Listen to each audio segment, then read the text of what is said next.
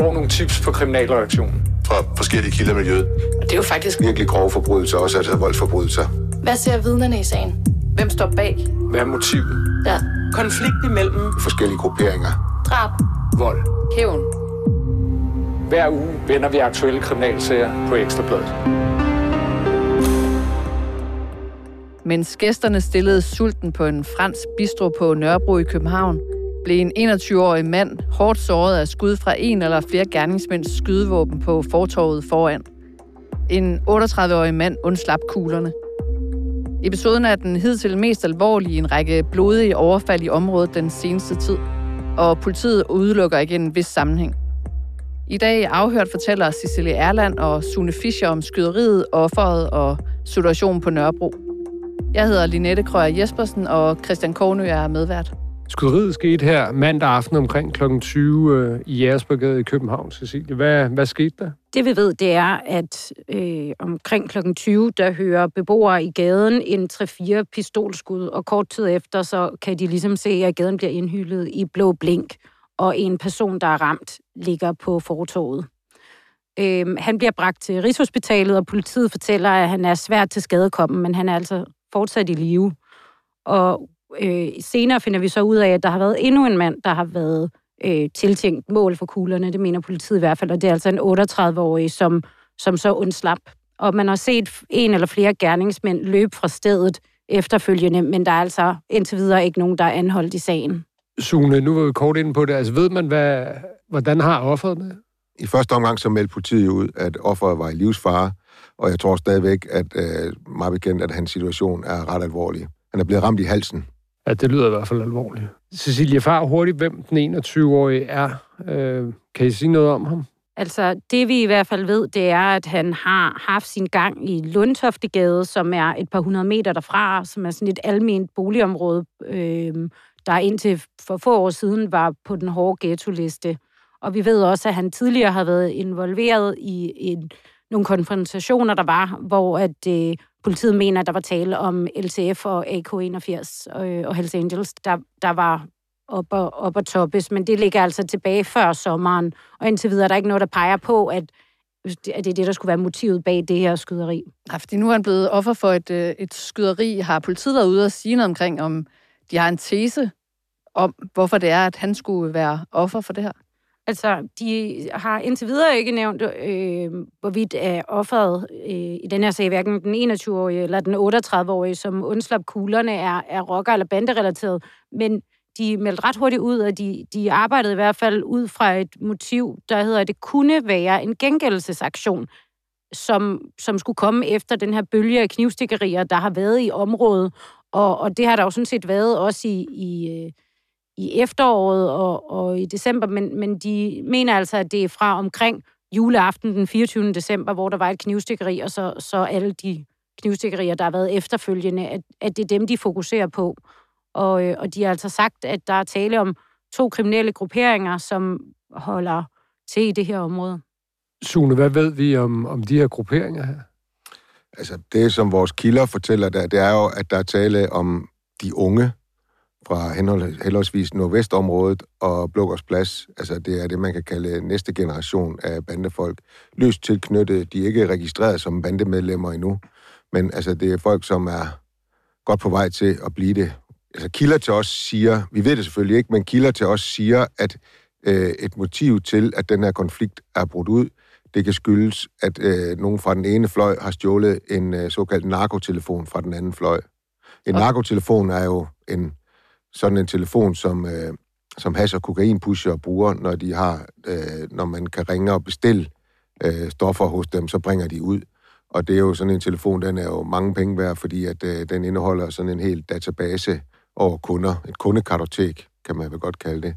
Og det er jo rigtigt, som I siger, der har jo været en serie knivstik, og pff, et slag på tasken ud af de der øh, 10-12 knivstik, der har været, så, så er der noget, der tyder på i hvert fald to tredjedele af de her knivstikter, de kan jo knyttes til den her konflikt. Vi har jo øh, også beskrevet, hvordan at der jo ikke kun er tale om knivstikter. Vi skrev jo en historie den anden dag, Christian, hvor vi også havde billeddokumentation på, at der rent faktisk var anvendt øh, noget, der lignede øh, machete-lignende våben. Øh, I hvert fald ved en af de her overfald, der er sket. Hvad kan du sige mere omkring det, den episode? Ja, det var øh, altså det her angreb, der var på to øh, tilfældige og uskyldige mennesker nede i, i netcaféen, øh, som bliver angrebet, da de træder altså, på vej ud af netcaféen, hvor der så kommer en gerningsmand ind med to af de her man kan så se på billedet, det er sandsynligvis sådan nogle skarpslæbende isoleringsknive, som er sådan nogle altså, ret lange knive. Og han har så hugget den ene af dem i halsen, og den anden var det ikke i maven, han blev stukket, mener jeg. Så fuldstændig uskyldige mennesker.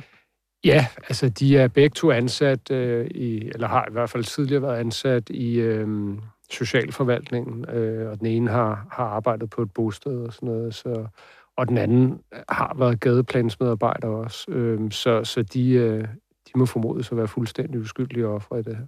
Ja, vi har jo en liste over de her mange knivepisoder, der er sket i det her område siden, som du siger, Sune, 24. december. Der har været to i weekenden. Der var et om lørdagen og et om søndagen. Og øh, som udgangspunkt, så vurderes det, at det knivstik, der fandt sted i Sigurdsgade om lørdagen, at det også kan knyttes til den her konflikt. Så var der et om søndagen i Vandløse, hvor en 17-årig blev stukket med kniv, men det mener man altså ikke kan knyttes til, øh, til det her konfliktbillede. Nej, og altså man kan sige, vi har, vi har også lavet sådan en, en liste over de episoder, vi i hvert fald øh, mener, at der kan knyttes til, til det her, ikke? Fra, fra juleaften og så frem til her den 4. Og altså det, man kan se på alle, alle offrene, det, det spiller eller altså, tæller jo også ind i den her historie med, at det er de unge. Altså alle offrene er altså teenager stort set, altså 16-årige, 17-årige, 19-årige, som, som bliver stukket ned. Så altså, det er virkelig, virkelig unge mennesker, som øh, er udsat for virkelig, virkelig grov kriminalitet, og, og det sker alt sammen i, altså så noget af det er måske lige nordvest, og noget af det Nørrebro, og noget af det Frederiksberg, men, men det er altså geografisk set stadig et, et ret lille område, at det her sker på. Og så kan man sige, at vi siger, at den her skudepisode, det er det hidtil mest alvorlige, men vi må også konstatere, at øh, det er jo altid farligt at blive stukket med en kniv. Det er det. Altså man kan sige på den måde, at det jo, er det jo måske også øh, mirakuløst, at, at der endnu ikke er nogen, der er, er blevet slået ihjel under knivstikkene endnu, og, og nu er den 21-årige jo også øh, fortsat i live, så, så man kan sige, det virker ikke som om, det er gerningsmændenes øh, hvad kan man sige, skyld, at der ikke er sket mere. Jeg ved godt, at igennem de sidste mange år, så har pistoler, ligesom, pistoler og skydevåben har jo ligesom overskygget øh, i, i forhold til, til den form for angrebsvold, eller hvad man nu skal kalde det, der har fundet sted i, i blandt andet rock- og bandemiljøet. Men altså, en, øh, en mand bevæbnet med en eller to knive, han kan virkelig, virkelig gøre stor, stor skade. Men altså, grunden til, at de tyr til, til knive i stedet for, for skydevåben, er det også fordi, det er altså, svært at skaffe skydevåben, og der er hårde straffe for det, eller hvad, hvad vurderer? Altså, politiet har jo den vurdering, at de hårde straffe, som de har indført i forhold til besiddelse af skydevåben, at de har hjulpet. Man kan jo også se, at de tungere bandekriminelle, de måske ikke selv har skydevåben på sig mere, fordi at det koster to og et halvt år direkte i spjældet, hvis der man bliver taget med en, øh, med en pistol nu. Øh, det kan også handle om, at øh, det er nemmere at få fat på en kniv, og at det måske kan være svært for de her helt unge mennesker at få fat på et, et skydevåben. Men vi kan se, altså i fald politiets øh, teori omkring det seneste episode, at så er der i hvert fald også nogle af dem, der også godt kan finde ud af at få fat på et skydevåben. Bare lige en sidste ting i forhold til det, og så, så er der jo også noget i forhold til, altså det har jeg i hvert fald talt med, med kilder i det kriminelle miljø om, at hvis du angriber nogen med en kniv, så er der altså bedre mulighed for at overbevise et nævningeting om, at der er tale om grov vold med døden selvfølgelig, eksempelvis, som har en noget lavere straf, end, øh, end hvis det er, at du, du skyder et menneske. Gerningsstedet for skudepisoden er jo Jægersborg på Nørrebro i København. Det er jo en gade, som har en øh, lang historik. Hvad kan du sige om det? Jamen, altså, gaden har egentlig været øh, kendt som en hashgade, altså hvor at det ligesom var et knudepunkt for øh, områdets hashhandel øh, siden midten af 70'erne. Indtil for ikke så mange år siden var det et sted, hvor der var mange synlige pusher, og der var en del sådan kriminel aktivitet i, i gaden. Øh, så har der været en større modernisering, eller gentrificering, som Sune Fischer nok vil sige, af, af, af gaden, som er blevet fint brostensbelagt, og mange små specialforretninger, og et sted, hvor at der ja, er rigtig mange børnefamilier, der bor og går på gaderne, og det her øh, mere den her synlige kriminalitet i, i gadebilledet, den er rykket op i Nørrebroparken, som ligger ved siden af. Det er jo angiveligt Danmarks øh, største andelsforening, som øh, nærmest øh, har hele øh, Jægersborgade, og der har jo tidligere boet øh, rigtig mange rockere i gaden, primært Hells Angels. Øh, Og det gør der vist stadigvæk også. Der bor stadigvæk også nogle HR i gaden. Ja. Ja. Og øh, altså af kuriosum kan man jo sige, at øh, rapper Nieren blev jo også øh, skudt i Jægersborgade, da han stod og var ved at købe has øh, for en del år siden. Så brostenene i Jægersborgade har tidligere været farvet rød og blod. Det kan man også se, altså både også, som du nævner med, med Hells Angels, altså det er jo ikke bare noget, vi siger, altså der er mange domme, der ligesom kan dokumentere, at det er Hells Angels rockere, der har stået bag det her øh, organiserede hashsalg i, i gaden. Men altså op omkring Nørrebroparken, der er der et øh, livligt øh, hassalg øh, pt. Vi har jo tidligere omtalt, hvordan at det er jo omtalt det som det, det største øh, åbne hashmarked uden for Christianias Pussy Street. Øh, det gjorde vi for nogle år siden. Og jeg ved ikke, hvor, hvor slemt det er nu, øh, men det er jo stadigvæk muligt. Øh, det foregår blandt andet i det her lille parkområde, der bliver kaldt for Sumpen derhen i den ene ende af, af Nørrebroparken. Den seneste udvikling i forbindelse med øh, skudepisoden og efter alle de her knivstikkerier, det er, at der er blevet oprettet en visitationszone, som strækker sig fra søerne på Nørrebro og Østerbro i København og op til en del af Uderslev Mose og blandt andet Rødvadsvej. Hvad er begrundelsen for den her visitationszone? Det er jo ifølge politiet, at der taler om igangværende uoverensstemmelser mellem to grupper af unge mænd med geografisk tilknytning til det område, hvor i den nu oprettede visitationszone er, øh, er belagt. Og så skriver politiet en videre, i forbindelse med tidligere voldelige konflikter, hvor personer fra de overnævnte grupperinger efter Københavns politi vurdering har deltaget, har der været flere hændelser i forbindelse med, hvilket der har været anvendt våben. Og det er jo så her, altså de skriver det ikke, men der her er der jo tale om de her, øh, de her episoder, hvor folk er blevet stukket med, med kniv. Mm. Og så som en meget, vigtig øh, tilføjelse til, til det, det er jo, at øh, Københavns politi de vurderer, at de her grupperinger de planlægger at udføre flere voldelige overfald som en del af den her konflikt, som er, er kørende. Ja, Københavns politi øh, retter jo altså, direkte henvendelse til, til gerningsmændene øh, og de formodede gerningsmænd, og det er jo alligevel lidt usædvanligt. Ikke? De skriver i presmeddelelsen her, vi vil gerne rette en appel til de her personer og deres omgangskreds. Situationen bliver kun værre, jo længere striden fortsætter. Der taler meget alvorlig personfarlig kriminalitet, som kan sende selv helt unge i fængsel i mange år. Vi arbejder målrettet på at få de skyldige stillet til ansvar. Og det er jo alligevel usædvanligt, at de sådan taler direkte til, til de unge. Det er ikke så tit, man ser det. Nej, det lyder vel som om, de frygter en eskalering i det her. Ja, og det kan man jo egentlig øh, heller ikke fortænke dem i. Altså ifølge vores oplysninger, så er der jo, har der jo været forsøg øh, fra øh, nogle ældre i bandemiljøet at prøve at bilægge den her strid, men øh, åbenbart uden held, i og med, at der stadigvæk er fortsatte episoder. Cecilie, du har været ude omkring øh, Jægersborgade og også talt med beboere og de mange mennesker, som jo bruger det her område til daglig, når de går på café eller bare går tur med deres øh, barnevogn. Hvad er stemningen øh, omkring Jægersborgade i forbindelse med den her ulvende konflikt, eller konflikt, der jo faktisk er jo brudt ud i lys lue?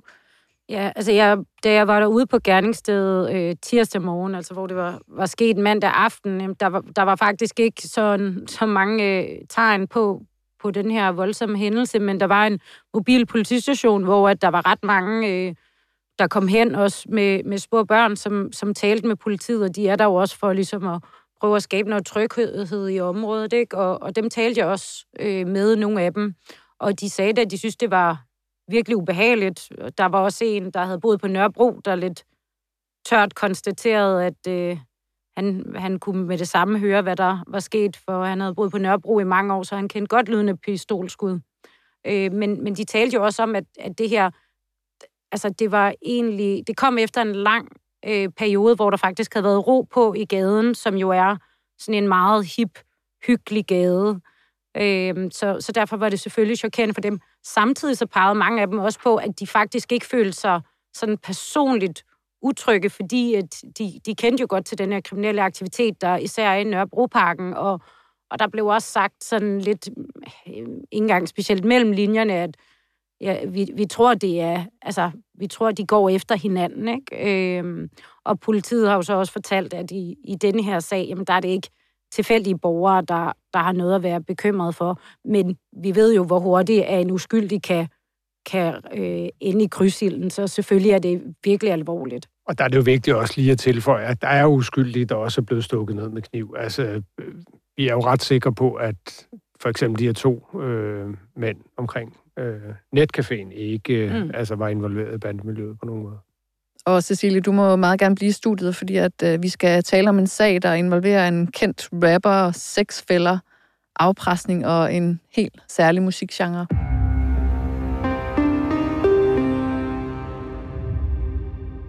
Rapperen Miklo sidder på anklagebænken i en ankesag i Østerlandsret, hvor han er tiltalt for grov vold, frihedsberøvelse, trusler og røveri. Og mens sagen kørte, så fik han pludselig nye anklager mod sig. Og Cecilie, hvem er Miklo? Jamen, Miklo, han er en 25-årig mand, der går under det borgerlige navn Anders Henkel Johansen. Men, øh, men altså under navnet Miklo har han i flere år udgivet musik, og han er nok primært blevet kendt gennem de sociale medier, hvor han har en Instagram-side, hvor han har omkring 20.000 følgere, mener jeg, hvor han ligesom har brandet sig selv som øh, den her blåede fyr med latexmaske på. Øh, og hans rigtige navn var sådan set øh, ikke kendt i offentligheden, før at øh, Ekstrabladets øh, journalister, blandt andet Dan Bjergård, der ikke længere er her, fik opsnappet sidste forår, at han sad på anklagebænken i en straffesag ved retten på Frederiksberg. Så det skal simpelthen forstås sådan, at hans offentlige optræden før det her, det har kun været iført en latexmaske. Yes, med navnet ikke, Miklo. Og man har ikke kendt hans øh, udseende identitet. eller identitet. Ja, det er præcis.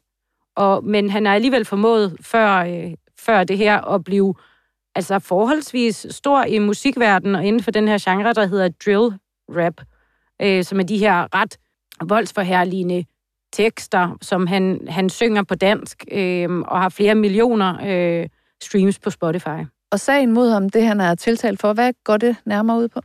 Det, som han er dømt for i byretten, det er, at han sammen med to andre øh, unge mænd i 20'erne, som øh, også ligesom ham er øh, øh, forsøger sig som rapper, og herudover to unge kvinder på det her tidspunkt, var de 17 år, jamen de i december 2020 over en weekend lukkede tre forskellige mænd op i en lille lejlighed på Frederiksberg. De havde lukket dem op på den her måde, at de havde lavet en datingprofil på sådan en dating-app, der hedder Badoo.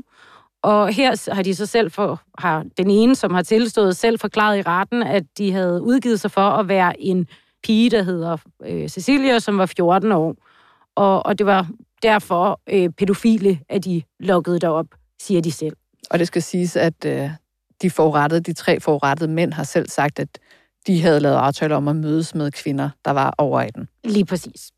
Det, det, der så sker, da mændene kommer op øh, en for en, jamen det er, at de i stedet for en kvinde bliver mødt af det her tæskehold. Øh, tre maskerede mænd, som anklagemyndigheden altså mener, at de tre rapper, der er dømt i byretten, og øh, de bliver lænket fast til en radiator. Det er lidt forskelligt, hvordan de bliver mishandlet, men en af dem fik blandt andet knust et kindben, så han skulle have sat en skinne i, og altså, de blev virkelig øh, tæsket, de blev røvet, og så fik de at vide, at hvis ikke at de øh, holdt deres mund, jamen så ville, der, øh, ville de sprede de her pædofilirygter i, øh, i deres omgangskreds. Så det er simpelthen et økonomisk motiv?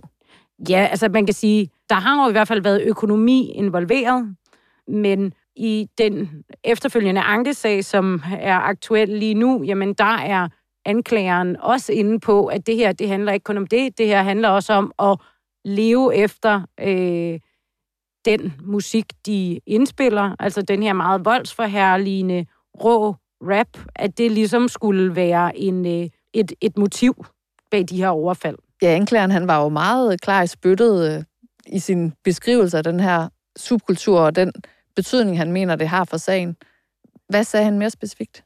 Jamen, han sagde, at de her drenge, de var dybt optaget af drill-genren og Miklo, og han brugte hans kunstnernavn på det tidspunkt. Han er toneangivende figur i det her miljø, og altså, de er så, ifølge ham, så dybt fascineret og opslugt af drill, øh, som han kaldte en syg subkultur, at de, det har ikke været nok for dem at rap om det.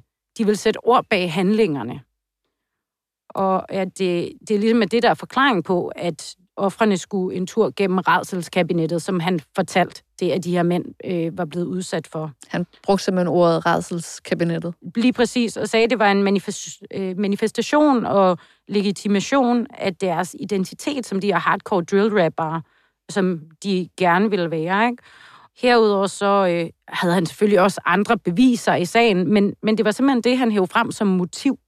Men Miklo, han blev i byretten, som du siger, dømt, og han blev idømt øh, tre år og ni måneders fængsel, og har anket og nægter sig skyldig og vil frifinde, som jeg forstår det. Ja, han mener nemlig, at han ikke var en del af det. Der er en anden en af øh, de mænd, som er blevet, øh, blevet dømt i byretten, som har øh, erkendt, det var ham, og øh, Miklo eller Anders Henkel Johansen, men han, han øh, bedyrer sin uskyld i sagen. Ja, fordi sagen den kører i Østre Landsret, men mandag, der opdagede vi jo pludselig uh, Miklos navn på uh, retslisten fra dommervagten i uh, København. Han blev simpelthen uh, fremstillet og sigtet uh, for nogle nye forhold. Hvad var det? Ja, lige præcis. Uh, vi kiggede lige en ekstra gang på navnet, fordi at, øh, vi troede jo egentlig, at han var varetægtsfængslet øh, og afventede øh, endelig dom i, øh, i ankesagen, men det viser sig så, at politiet mener, at han imens har gjort sig skyldig i i nye sigtelser. Og det finder vi jo så ud af ved, at han har været i øh, ført til dommervagten i Københavns Byret, hvor han er blevet præsenteret for øh, se, nye sigtelser om dødstrusler mod vidner i sagen. Altså vidner, der har vidnet i sagen om sexfælderne. Lige præcis. Og øh, det, øh, den første gang, han skulle have gjort det, skulle være i Østre Landsret. Altså, hvordan de her ord er faldet, det, øh, har jeg stadig ikke rigtig fundet ud af, men det har i hvert fald på en eller anden måde lykkedes ham, ifølge politiet i hvert fald, at øh, tro tre af de kvindelige vidner, øh, hvor øh, han har sagt, at han ville slå dem ihjel. Så 4. februar, natten til 4. februar, så skulle han så igen have kontaktet kvinderne, som øh, ifølge politiet var til et, en fest i et musikstudie. Så derfor skulle han have kontaktet dem telefonisk, øh, og han skulle have troet dem med, øh, også i forbindelse med deres vidneudsagn. Øh, han skulle have sagt, vi tager jer med ned til MP-kælderen og klipper jer skaldet og får 10 mænd til at voldtage jer. I skal bare få, og så siger han så et navn, som vi så har valgt at tage ud, til ikke at snakke. Det mener politiet så, at det endnu en gang har været vidnetrusler.